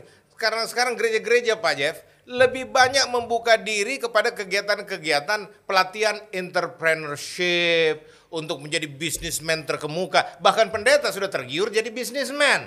Untuk apa? Mengejar mamon. Dan kalau sudah mengejar mamon, kehilangan nilai-nilai spiritualnya, larinya ke mana? Narkoba juga. Dan saya pikir mungkin itulah linknya ya. Dalam pengertian tak putar-putarnya di situ itu. ya karena apa? Mestinya gereja juga membuka diri terhadap pelatihan-pelatihan seperti anti narkoba ini penyuluhan. Penyuluhan bahaya-bahaya yang bisa masuk dalam gereja bahkan di altar kudus tanda kutip itu bisa di situ orang bukannya apa namanya manifestasi karena kuasa roh tapi bisa saja narkoba itu. Nah Ya, ini betul. kalau pendeta bisnis untuk jemaat sih nggak ada masalah kecuali untuk itu ya pribadi. Saya nggak masuk dalam ranah itu. Saya begini Pak, Pak Theo ya, atur-atur Jo, gitu. Pak. Yang penting untuk kemuliaan Tuhan. Tapi saya mau katakan, saya udah pernah ketemu ketua umum PGI, Aha. PGI wilayah juga. Saya sudah menawarkan contoh satu konsep gini. Kita bikin pelatihan, ini gereja yang kami ini yang anggap yang lama PG yang lama ketua umum PG ibu Yang- ibu atau bapak yang baru bapak, ini Bapak, bapak, oh bapak, pak Bomar baru. Gultom Cuma kan belum sempat terjadi sudah covid duluan ini kan kita Oke. baru mau ada mudah-mudahan bisa ditindaklanjuti oleh Pak Gomar Gultom dan tim. Kami sudah ketemuan sama beliau juga. Jadi Kak, saya tawarkan yang kami tawarkan begini. Bisa nggak kita latih 100 100 kader apa gereja selama tiga bulan ada di GMDM contohnya, Mhm. yang gereja bayar kami untuk makan mereka. iya Jadi mereka nanti sesudah satu bulan atau dua bulan latihan di kami, Iya. mereka kan jadi paham tentang narkoba. Lalu di gereja harus gaji mereka selama satu tahun. Jadi mereka gini, jadi Membangun dia tim. uh, membangun tim di gereja untuk jadi berkat di gereja dan lingkungan masyarakat. itu yang saya maksud tadi Ya, lingkungan masyarakat seperti Iya. itu dan kami siap memberikan pelatihan itu. Yang kami yang bukan kami yang dibayar, yang dibayar itu untuk makan mereka aja dari pagi sampai ya, segala Iya. macam. Dan kalau ini menjadi kayak snowball, jadi seluruh seluruh apa Eh, gereja juga Gereja bisa ini terlibat dalam terlibat segala- mendukung, mendukung gerakan anti narkoba ini Karena ingat ini yang ter- terjadi adalah di pusatnya narkoba adalah di Jakarta begitu. Iya, Dan kota-kota besar lainnya. Dan ingat yang paling terpapar karena narkoba bukan oma opa, anak-anak muda, Iya. calon penerus bangsa. Nah calon penerus bangsa ini kalau sudah terpapar dengan narkoba, ingat kita sudah bisa nggak usah terlalu banyak mimpi untuk ke depan tentang bangsa kita karena banyak generasi muda sudah terpapar dengan narkoba. Tidak berlebihan kalau saya bilang ini juga bisa mengarah kepada genosida generasi yes, muda, Pak. genosida. Iya, dan itu Iya. pasti ada grand design-nya untuk Pasti sa- saya sangat yakin ada Nah, grand design. makanya ini gereja tidak boleh anggap enteng hal ini. ayo kita bersatu Iya, untuk mestinya bersatu fight dong. against drugs ini perang untuk Mudah-mudahan ini juga dinonton oleh Dirjen Bimas Kristen Pak Profesor Dr. Thomas Penturi Ya. MC supaya juga me- memberikan semacam apa dorongan kepada masyarakat Kristen khususnya gereja-gereja supaya gerakan ini juga diberikan ruang di dalam gereja. Apalagi kalau ada tim Pak khusus tim anti narkoba, tim apa apalah namanya misalkan di gereja tapi mengurusi persoalan-persoalan ini penyuluhan. Iya. Ya biar sebulan sekali misalkan Banyak untuk kan gereja sering kali kami penyuluhan tiga tahun sekali, kadang lima My tahun sekali begitu. Nah- Termasuk sekolah-sekolah juga penyuluhan mereka baru kadang-kadang dua tahun tiga tahun padahal sih yang ideal itu penyuluhan satu tahun dua kali tapi minimal satu tahun satu kali aja penyuluhan penyuluhan. penyuluhan tentang P4GN ini dikasih Betul. kasih pemahaman untuk para murid, untuk para orang tua dan untuk para guru dan tokoh-tokoh agama. Nah, jadi minimal jadi benteng untuk mereka oh mengerti dan mereka tahu anak saya ini kira-kira oh kelihatannya karena Iya, ada iya. satu gini, ada satu kisah. Saya yakin anak saya dijebak nih Pak Pendeta. Kenapa? Anak saya itu rajin sekali di rumah. Di rumah itu satu jam sekali nyapu. Wah, satu jam sekali nyapu. Di apa kalau olahraga tuh tiga jam nonstop katanya. Eh, apa olahraga main sep futsal gitu. Ah, oke, oke. Tiba-tiba dan di sekolah dia rajin. Nggak pernah bolos, nggak ada. Aktif Bu, melayani. aktif. Jadi eh, dia nggak bilang aktif layanan, ini lain lagi. Jadi eh, terus tapi anak saya ketangkap, dulu bu, anak ibu ketangkap pakainya apa narkobanya saya tanya. Kalau dia pakai ganja dia nggak seperti itu bu. Ah. Kalau dia pakai putau lain lagi, tapi kalau dia pakai sabu ya mungkin aja bu, karena dia akan Bergairah. eh, bergairah. Jadi anak pakai sabu itu istilahnya lebih normal daripada orang normal. Kalau lagi make, kalau nggak make hilang itunya jadi on, nah lebih on dari orang on begitu istilahnya gitu. Dia, jadi ya, ternyata anaknya itu ya ya dia lagi pakai itu ya dia doping kan dia bisa main futsal. Oh, Mamanya senang kan? Mamanya Oh, senang. anak gue jadi rajin. Satu jam, pasti udah nggak normal lah bu. Satu jam sekali nyapu, bersih bersihin itu segala macam itu lama kelama itu, lama kelamaan itu dia akan mulai ajak ngomong hordeng, ngajak ngomong gayung itu lama-lama tuh kayak begitu tuh klien-klien kami akhirnya sudah kena di otaknya. Jadi begitu. kalau anak-anak masih ngedumel disuruh, ah Pak MC suruh, iya iya, eh masih normal dibandingkan dia rajin tiba-tiba, Rajin tiba terus dan- rajinnya intens, Intens. lalu kemudian basuar dingin, eh Wah. berkeringat Iya, dingin, iya. lalu kemudian pigi-pigi ya, olahraga sana olahraga sini, Iya, betul. ah itu harus dicurigai ya. ya itu udah mulai waspadai dan segera tes urin. Kalau ada duit tes rambut atau tes darah dan sedini mungkin ketika ketahuan nggak usah takut, nggak usah malu jadi jangan bencana. Anak ini masih bisa diobati untuk dipulihkan begitu. Jangan jangan jangan takut untuk melakukan itu. Kan saya jujur aja kan masih agak jarang ya gereja yang berani tes urin untuk kalangan muda begitu segala macam kan. Nah, sekarang kita fokus Pak. Siap. soal bagaimana mengantisipasi masuknya yang namanya peredaran narkoba di kalangan umat Tuhan, di kalangan gereja, Oke. terutama di kalangan pelayan-pelayan. Ya. Ya, tapi nanti setelah yang satu ini.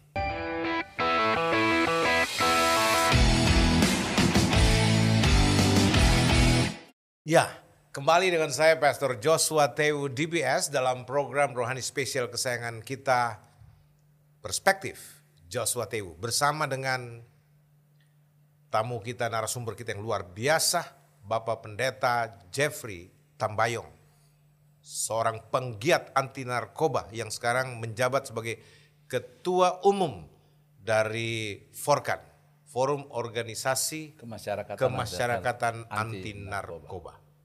Ya, puji Tuhan. Pak Jeff, Ya. kita ada dalam sesi terakhir. Jadi Pak, narkoba ini nggak pusing. Dia bisa masuk di kalangan jet set, Ya. dia bisa masuk di kalangan pemerintah eksekutif, Ya. dia bisa masuk di kalangan penegak hukum, Ya. kaum yudikatif ini, termasuk unsur-unsur penegakan di bawah Polri dan TNI. Ya. Dia bisa masuk di kalangan legislator. Ya. Betul. Dan juga bisa masuk di tempat-tempat suci, tempat-tempat kudus. Astaga. Jadi kira-kira kita bicara dulu. untuk mengantisipasi ini selain dibutuhkan penegakan hukum yang tanpa pandang bulu dan Yes. tegas. Bagaimana untuk kalangan gereja nih, tempat-tempat kudus yang mestinya steril dengan itu barang? Silakan Pak.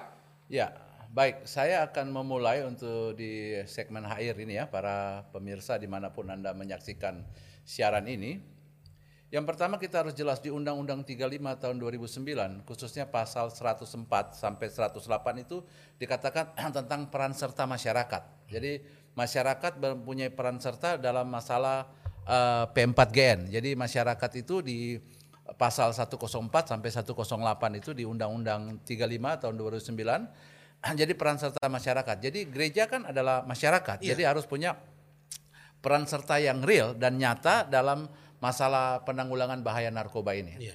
Lalu saya akan memberikan beberapa ciri untuk jemaat atau setiap uh, pemirsa yang menyaksikan ini, ciri-ciri umum kalau orang biasa pakai narkoba itu biasa yang utama itu barang-barang di rumah mulai hilang. Ini Nah, untuk antisipasi ya. Antisipasi, betul. karena kan bicara gerakan mencegah daripada mengobati toh. Iya. Artinya kita antisipasi ini ah, tanda-tanda untuk Betul. antisipasi ya. Terus Pak, Sebelum pertama kita- apa tadi?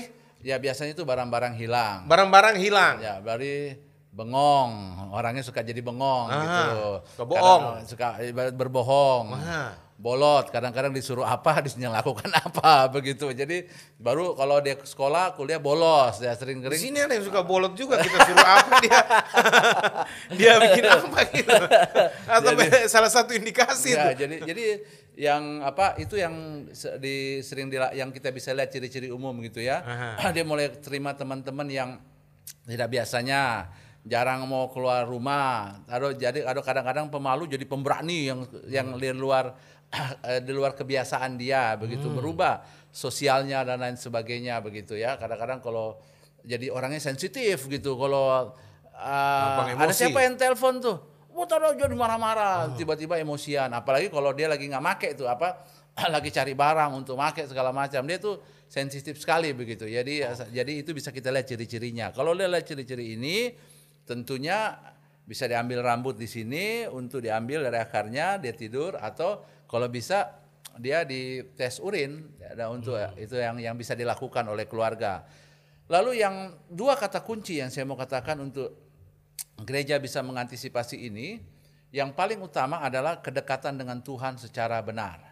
Jadi kedekatan dengan Tuhan adalah menjauhkan orang dari bahaya penyalahgunaan narkoba. Jadi pastikan keluarga kita itu punya hubungan yang bukan hanya formalitas saat ke gereja datang itu segala macam, tapi mereka ada intim dengan Tuhan. Jadi keintiman dengan Tuhan ini adalah satu hal yang paling mutlak. Yang kedua, yang utama adalah keluarga adalah benteng utama keluarga adalah keluarga, benteng, benteng, utama. utama. Jadi kami melihat para pecandu yang eh, saya sudah layani hampir 10 tahun terakhir ini saya layani pecandu-pecandu narkoba. Mereka pakai narkoba itu bukan hanya lifestyle gaya hidup, tapi Broken home. rata-rata broken home. Jadi sumber yang paling hancuran itu memang ayah dan ibu, tapi yang paling banyak nih anak-anak nih bermasalah dengan ayah. Yang kita tahu kan ayah adalah sumber, sumber yang baik atau sumber yang jahat. Ya, jadi banyak kan Tunggu dulu ini ayah. ya Papi maksudnya ya. Papi. Ah. Jadi orang tua ini yang sering kali bermasalah dengan anak-anak pecandu itu adalah ayah. Karena Hmm. biasanya kan ayah udah kasih makan, udah kasih untuk uang sekolahnya cukup. Padahal mereka tuh butuhkan kadang-kadang bukan hanya uangnya. Kasih sayang. Tapi, tapi ada waktu untuk mereka bisa curhat, ngobrol. Jadi ini yang membuat mereka akhirnya mau dia anak maaf tanda kutip anak rohaniawan, pendeta kah, anak anak majelis kah, kalau dia pakai narkoba itu rata-rata dia nggak punya jam atau waktu ngobrol dengan orang tuanya, sehingga curhatnya dia kepada teman-temannya dan komunitas. Nah, apalagi kalau komunitasnya itu make. Makanya kami selalu mengatakan yang pertama kedekatan yang dengan Tuhan, yang kedua itu adalah keluarga lah benteng utama. Pastikan keluarga kita menjadi surga. Ya, mungkin dengan COVID-19 ini uh, jadi surga. kesempatan untuk- Cuma- walaupun keadaannya agak sedih juga ternyata banyak juga gara-gara di rumah terus jadi bakal lahir terus malah mau gugatan cerai. Ya ini bahaya. Ini hati-hati. Kalau kau lakukan gugatan cerai kau sedang menciptakan anak-anakmu atau keluargamu untuk masuk jerumus dalam jurang narkoba. Karena banyak kan mereka akhirnya frustasi. Orang tuanya jadi anak-anak pemakai narkoba itu rata-rata selain life gaya gaya hidup itu jadi mereka kecewa sama keluarga terutama mohon maaf jangan tersinggung saya juga bapak banyak kan mereka ters- apa karena hasil, ada pernah hasil survei satu lembaga riset mana itu 80 bermasalah dengan bapak. Jadi bapak Kehilangan figur anak-anak. itu. kehilangan figur seorang ayah. Jadi Oke. duit ada, fasilitas ada, tapi mereka nggak punya waktu. Orang tua saking sibuknya pelayanan, sibuknya bisnis, tapi sampai tidak ada waktu untuk Pendeta curhat. paling banyak ini. Ya, jadi ini pendeta mau nggak mau, kalau mau mencegah yang paling dini anakmu nggak pakai narkoba, berikan waktu untuk mereka, untuk konseling. Dia jangan hanya datang untuk berikan peraturan, kamu nggak boleh, jangan hanya kasih hukum-hukum Taurat, hukum kasihnya juga harus ada. Jadi Hmm. Ya. Jangan ada- bikin malu papi ya. Ya. Jangan bikin malu orang tua. ah, justru Ya, itu. ingat anak pendeta. Ini begini begini. Ah, jadi itu yang paling penting. Yang terakhir, yang bukan nggak penting juga, tapi dua yang utama tadi, ikuti kegiatan-kegiatan positif. Contoh olahraga, ah, seni, segala menyalurkan itu segala macam. Orang tua harus mendukung, tapi sampai diawasi begitu. Jadi mereka seorang seniman, mereka mau nyanyi, mereka seolah olahragawan, ikutin segala, jangan dipaksakan segala sesuatu kegiatan yang mereka tidak suka. Oke. Selama itu positif untuk olahraga atau seni itu itu di, disupport dan mereka dan pastikan mereka harus ada komunitas yang benar dan yang mereka suka begitu. Dan apa gereja juga perlu waspada karena kadang-kadang kita harus dekat sama anak-anak kita. Tadi kembali yang kedua karena ada beberapa nggak banyak tapi ada beberapa klien kami yang maaf ya pakai narkoba dapatnya di acara retreat. Nah gitu ya. Nah, lo. Nah, jadi eh, ini kan tentu ada yang kalau dia contoh dia dekat sama orang tuanya kan dia akan cerita. Iya. Nah, tapi ini tentu kalau bicara ini kan bukan hanya dengan orang tua, jadi termasuk dengan para rohaniawan, pendeta Betul. pun, para apa ketua-ketua komisi pemuda dan Ya itu anak, nomor tiga lah. harus Ya. ada kedekatan dengan mereka. Tuhan, orang tua, keluarga, Ya. dan mestinya rohaniawan. Yes, harus ada. Jadi mereka, Pendeta-pendeta. mereka bisa curhat seperti itu. Jadi eh, saya percaya gini, kami metode tidak ada metode yang anak-anak yang Baku. pulih di kami, yang kami rehab yang pulih jadi akhirnya jadi orang baik segala macam, nggak ada selain kami ajak mereka dekat sama Tuhan sesuai agama mereka masing-masing, kami lakukan itu dan kami mengajarkan mereka untuk mengatakan bahwa mereka hidupnya masih berarti, kau masih punya peluang untuk segala sesuatu dan ya puji Tuhan artinya mereka bisa pulih sampai hari ini begitu dan mereka bisa bertahan di tengah banyaknya godaan-godaan begitu. Oke, jadi kalau kita bicara peran gereja sebenarnya itu sangat-sangat penting betul, dalam hal penanggulangan bahaya narkoba ini ya. betul. Nah, itu sebabnya pemirsa, kalau kita berbicara tentang tanggung jawab gereja, mestinya gerejalah menjadi institusi yang membawa orang-orang percaya masuk kepada pintu gerbang awal yaitu pertobatan yang menyebabkan mereka dilahirkan kembali menjadi ciptaan baru, lahir baru.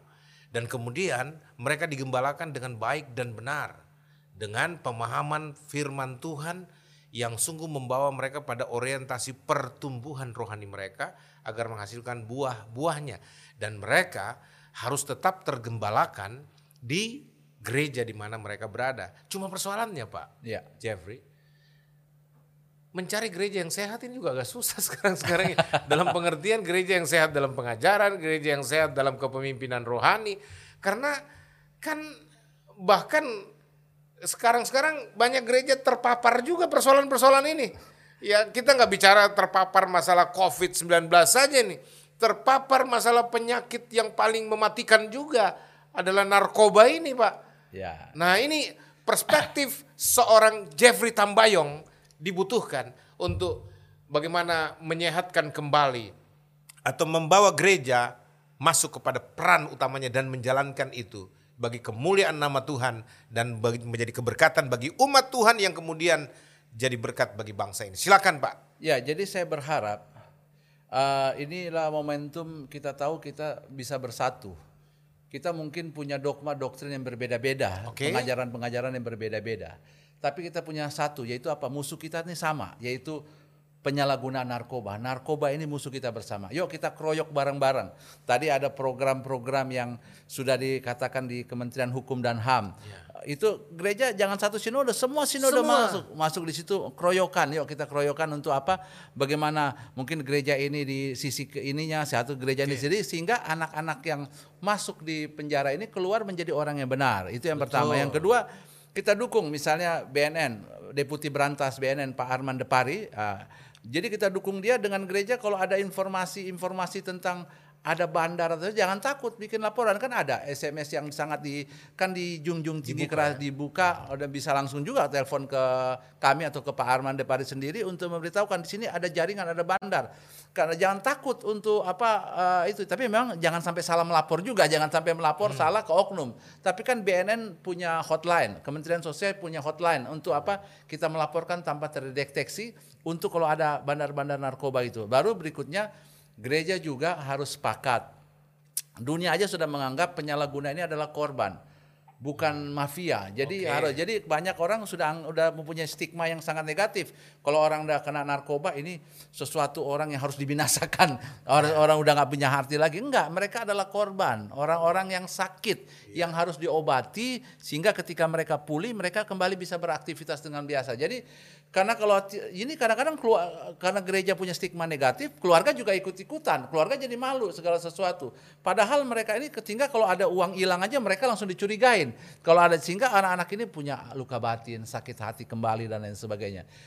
Ini bisa terjadi tentu kalau gereja ikut juga penyuluhan, terlibat di rumah-rumah rehab. Jadi kan panti-panti rehabilitasi gereja bisa bantu juga. Misal bantu tenaga, bantu dana, bantu apa saja yang mereka bisa lakukan, gereja lakukan. Kita ada ada sinergi, dan saya namakan ini sinergi ilahi untuk menolong para pecandu-pecandu. Karena gini, kalau pecandu sudah tertolong, mereka nggak mau pakai lagi. Bandar-bandar kan bangkrut. Kenapa bandar tambah banyak? Karena pecandu di Indonesia banyak. Banyak. Jadi apa apa Pasar bebas. pa- pasar jadi bebas. Jadi makanya tingkat narkoba yang paling lucu ya contohnya gitu, beli di di Iran, beli di apa Irak atau beli di mana? Kolombia. Di Kolombia, beli di Cina. Misalnya satu satu kilo eh, 100 juta, tapi di eh sat- satu kilo itu satu juta. Tapi kalau di Indonesia sudah berlipat kali ganda. Iya. Sudah sampai bukan satu juta di di di Cina itu 100 ribu beli. Tapi di Indonesia bisa jual satu setengah sampai dua juta setengah. Jadi berapa kali lipat keuntungannya untuk satu kilo saja. Kalau satu ton, Kok main langsung kayak mendadak ya. ya, kayak mendadak. Eh, Kasih perpuluhan tambah gede ya. Ada bagusnya itu. Cuma bercanda aja nih, hanya bercanda saja ya gitu ya. Jadi apa? Ini yang me- menurut saya kembali saya tentu berharap ada aware lah rasa kepedulian semua pemimpin gereja karena Indonesia ini sudah darurat narkoba.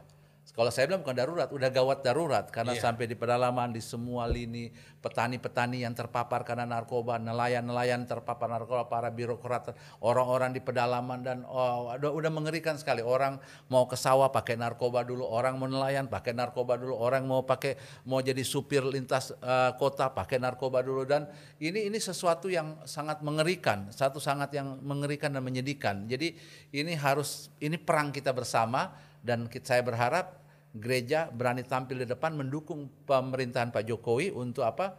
Indonesia bersinar, Indonesia bersinar narkoba. Pak Jeff, dua pertanyaan terakhir. Silakan. Yang pertama, mudah-mudahan Pak Jeff nggak keberatan kesaksian Pak Jeffrey. Bagaimana Bapak sendiri bisa lepas dari jeratan ini dulu dan kemudian bahkan jadi hamba Tuhan, jadi pendeta dan sekarang jadi penggiat gerakan anti narkoba dan sudah terbukti menjadi berkat bagi Indonesia. Itu yang pertama. Yang kedua, apa pesan Bapak untuk pemerintah, khususnya Dirjen Bimas Kristen misalkan, ketua-ketua asosiasi gereja seperti ketua umum PGI, PGLII, PGPI, ya jangan sampai mereka cuma ribut-ribut masalah suksesi, eh, siapkan empat tahun kemudian jadi ketua umum lagi dan seterusnya ribut masalah ini, tapi urusan-urusan yang lebih penting memerangi narkoba ini kemudian menjadi agenda yang paling akhir, yang bahkan terlupakan apa pesan Bapak. Tapi yang pertama soal kesaksian untuk memberikan motivasi orang-orang juga yang sudah mungkin terjerat tidak ada yang mustahil. Alkitab bilang eh, Markus 9 ayat 23. Jangankan bagi Tuhan, bagi orang yang percaya tidak ada yang mustahil. Amin. Buktinya Pak Jeffrey jadi berkat sekarang ini. Silakan Pak Jeffrey. Jadi puji Tuhan, saya sendiri memang eh, latar belakangi keluarga yang baik, walaupun masih hidup dalam duniawi dulu, Ya. sehingga saya juga terbaik artinya orang tua saya sayang saya, tapi walaupun mereka saya nggak dapat teladan juga karena di rumah saya dulu orang Manado bilang main yoker, ya Oh, main- sama tuh orang sama. main yoker sehingga saya hidup besar. Buka meja. Ya, ya, ya. Jadi jadi pokoknya ada orang bilang laki-laki itu jadi laki-laki jangan bodok ngana, jangan bodok ya. Artinya segala sesuatu yang tanda kutip nih. Akhirnya cari identitas di luar rumah. identitas di rumah. Jadi saya- preman, jadi tukang baklai, jadi segala tukang- ya, macam. tukang bakalai lah. Dan akhirnya ya salah satunya tukang pakai narkoba. Iya, pasti.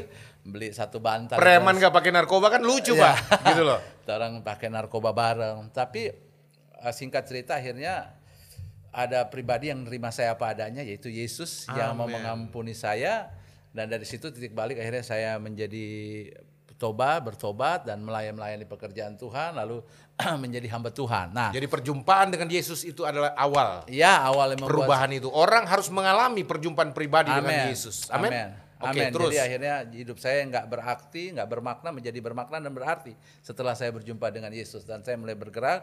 Tuhan proses hidup saya yang begitu luar biasa keterikatan dengan banyak hal begitu, tapi yang sangat jahat tapi Tuhan bisa rubah. Karena waktu di SMP pun saya sudah bawa senjata api waktu itu My God. SMP kelas 3 dan saya udah ditangkap polisi juga dan dalam dunia-dunia kejahatan lah begitu ya. Karena waktu itu cita-cita saya mau jadi mafia nggak nanggung, jadi mafia kayak mafia Itali begitu ya, Sicilia. Godfather gitu ya? Godfather. Jadi jadi maka SMP sudah bawa senjata. Tapi memang tampang ada sedikit dulu, tapi so bersinar kemuliaan Tuhan lebih nyata. jadi puji Tuhan ya, ya kan pernah juga bisnis uh, Yang ini- begitu-begitu. yang begitu dia emang nggak besar tapi ya sudahlah Tuhan Sudah. Masa Tuhan- lalu? masa lalu yang yang dulu apa sekarang Tuhan sudah rubah lah akhirnya dari sisi itu saya jadi hamba Tuhan dan setelah itu saya terlibat dalam penyala, pe- penanganan bahaya narkoba ini walaupun dulu saya ada pengurus di salah sa- di sinode tentu tapi saya akhirnya mengundurkan diri saya fokus kepada di narkoba ini karena begitu ketika saya lihat di waktu itu kalau tidak salah di tempat Pak Arman Depari ada di apa di penjara di penjara di takti di tahanan gitu nama-nama yang di penjara yaitu dia ada Martius, Markus, Lukas, Yohanes gitu. Ya nggak ada nama kisah para rasul. Nama-nama Tapi Matius, Markus, Lukas, Iya, Yohanes ada semua. Dengan marga-marganya. Saya Paulus, Timotius, ada semua. Saya bilang, "Ini kok banyak sekali nih yang... Baru saya tanya, ini benar ya? Wah kok banyak sekali, maaf tanda kutip orang-orang Kristen yang ketangkap ini. Dari situlah akhirnya saya itu. terpanggilan itu. Makanya kami mendirikan satu yayasan GMDM. Dulu namanya Gerakan Mencegah Lebih Baik Daripada Mengobati. Tapi karena kami sudah ada rehab, jadi. Garda. berubah Garda.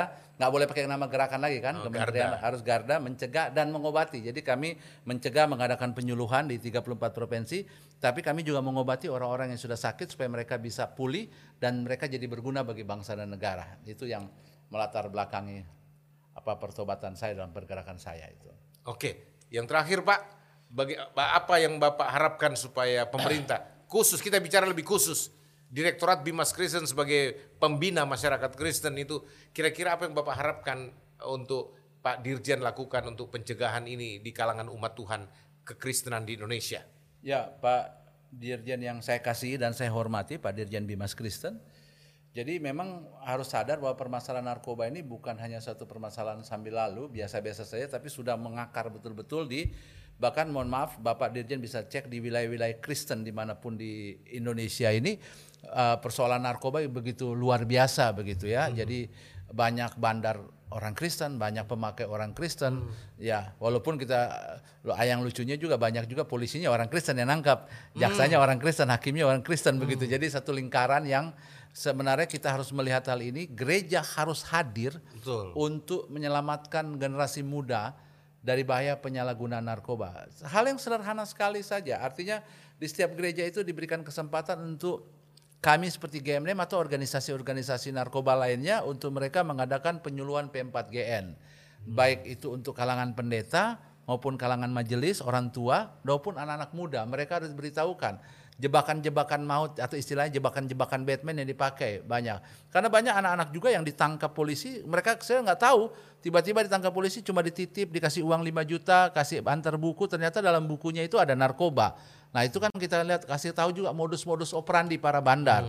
Lalu narkoba ini dampaknya itu bukan hanya sekedar berhayal-berhayal, nih wajahmu bisa hancur, nih otakmu rusak. Kita kasih tahu tuh penjelasan itu tentang narkoba. Jadi, nah ini perlu dikasih tahu. Jadi bukalah ruang seluas-luasnya untuk kegiatan kegerakan ini dan artinya sehingga gereja ada di garda depan untuk eh, menang lawan narkoba ini. Perlu surat edaran itu kayaknya tuh. Perlu surat edaran. Jadi perlu surat kami dari Vokan membuka diri juga untuk bisa ada MOU bersama. Dengan Karena Dirjen. dirjen kami juga sudah mengerjakan ini bersama tim kami dengan Majelis Ulama Indonesia kita kerjasama dengan beberapa instansi-instansi yang lain kami berharap bisa ada kerjasama yang lebih lanjut, lebih lebih apa komprehensif, lebih membumi lah dengan dengan Dirjen Bimas.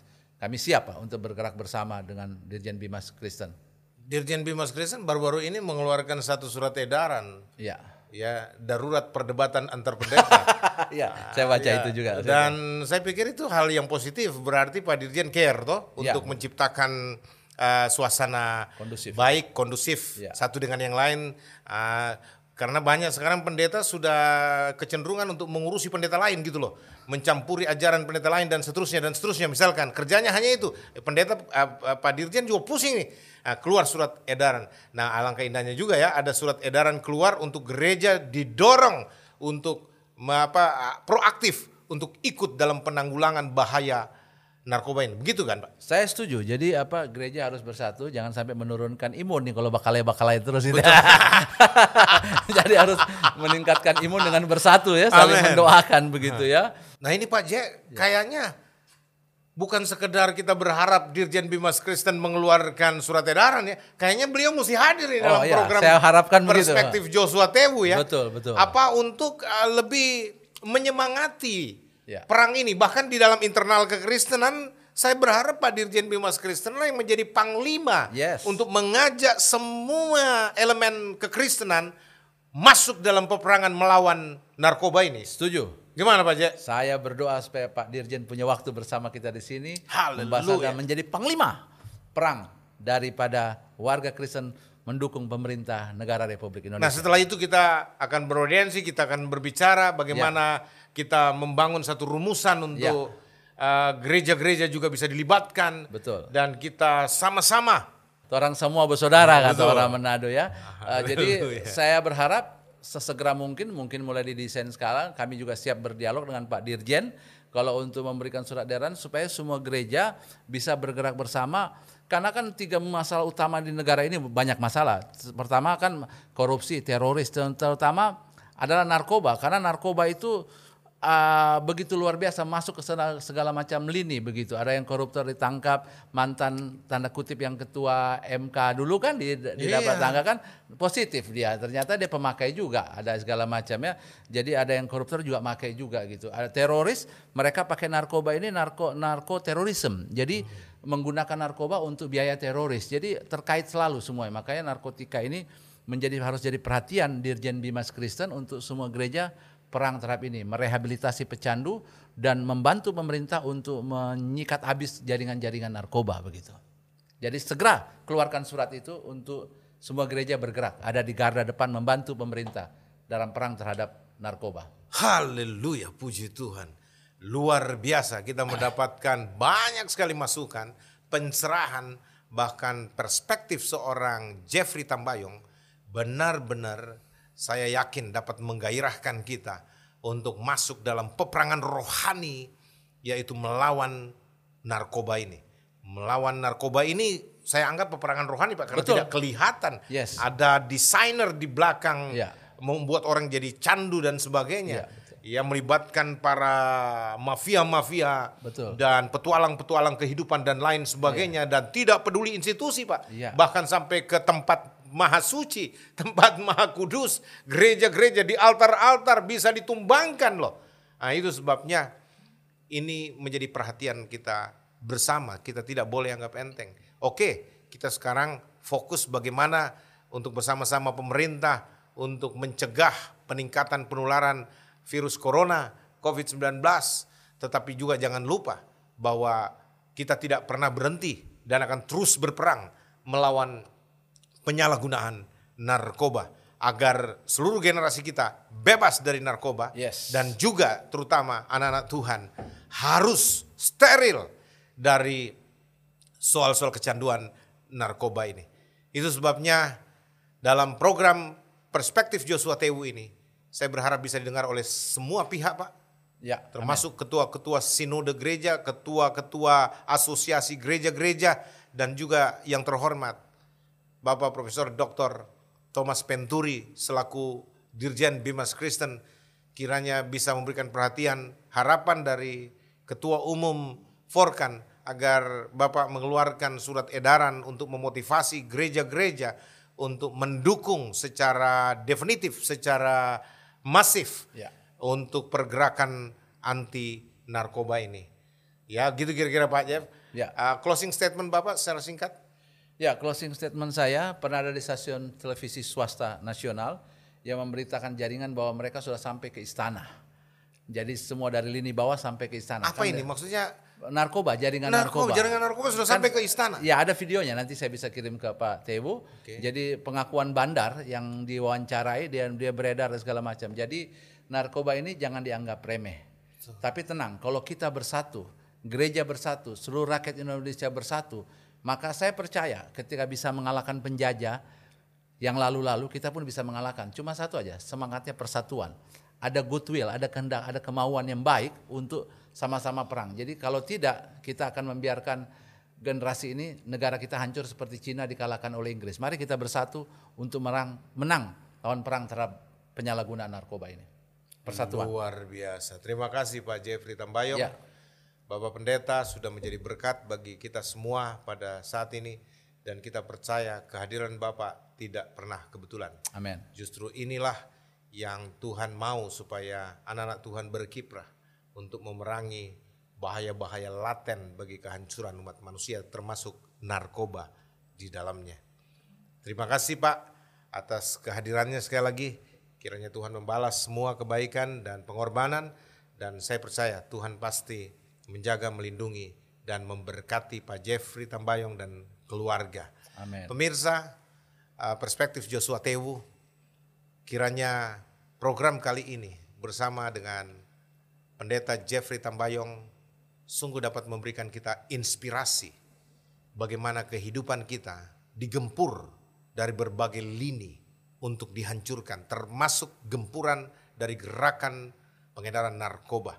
Itu sebabnya waspadalah, berhati-hatilah, dan mari kita mawas diri, mari kita bekerja sama untuk kita memerangi musuh bersama kita ini, narkoba. Sampai jumpa dalam program Perspektif Joshua Tewu dengan topik yang lainnya lagi dan kiranya semua persembahan pelayanan ini untuk kemuliaan nama Yesus Kristus Tuhan dan menjadi keberkatan bagi umatnya di Indonesia dan bagi seluruh masyarakat Indonesia tercinta. Sampai ketemu di program berikutnya. Tuhan Yesus memberkati kita semua. Shalom. Shalom.